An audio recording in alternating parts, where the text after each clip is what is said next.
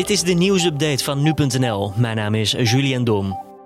De Amerikaanse farmaceut Johnson Johnson pauzeert tijdelijk het onderzoek naar een coronavaccin.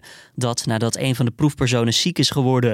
Er wordt nu gekeken of dit iets te maken heeft met het vaccin. Een onafhankelijke commissie kijkt daarom naar de data en besluit vervolgens of de proeven verder kunnen gaan.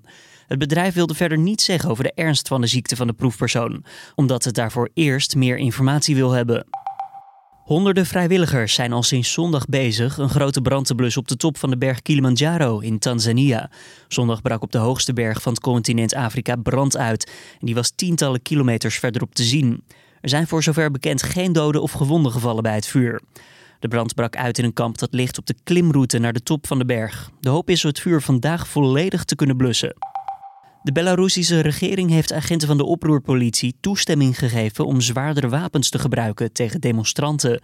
Het is sinds de presidentsverkiezingen begin augustus al weken onrustig in het Oost-Europese land. Betogers zijn boos over de verkiezingsuitslag, waarbij president Lukashenko ruim 80% van de stemmen kreeg.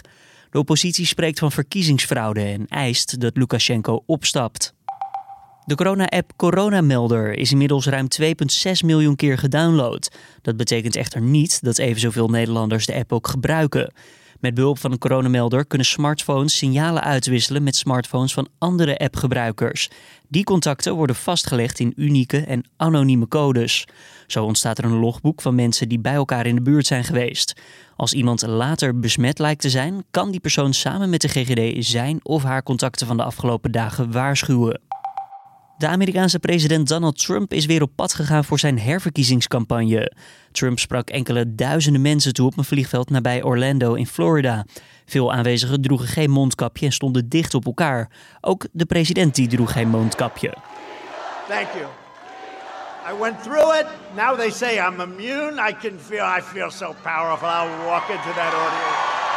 I'll walk in there. I'll kiss everyone in that audience. Het was voor het eerst dat Trump weer een grote groep toesprak buiten het Witte Huis, sinds hij bijna twee weken geleden positief testte op het coronavirus. En dit was dan weer de nieuwsupdate.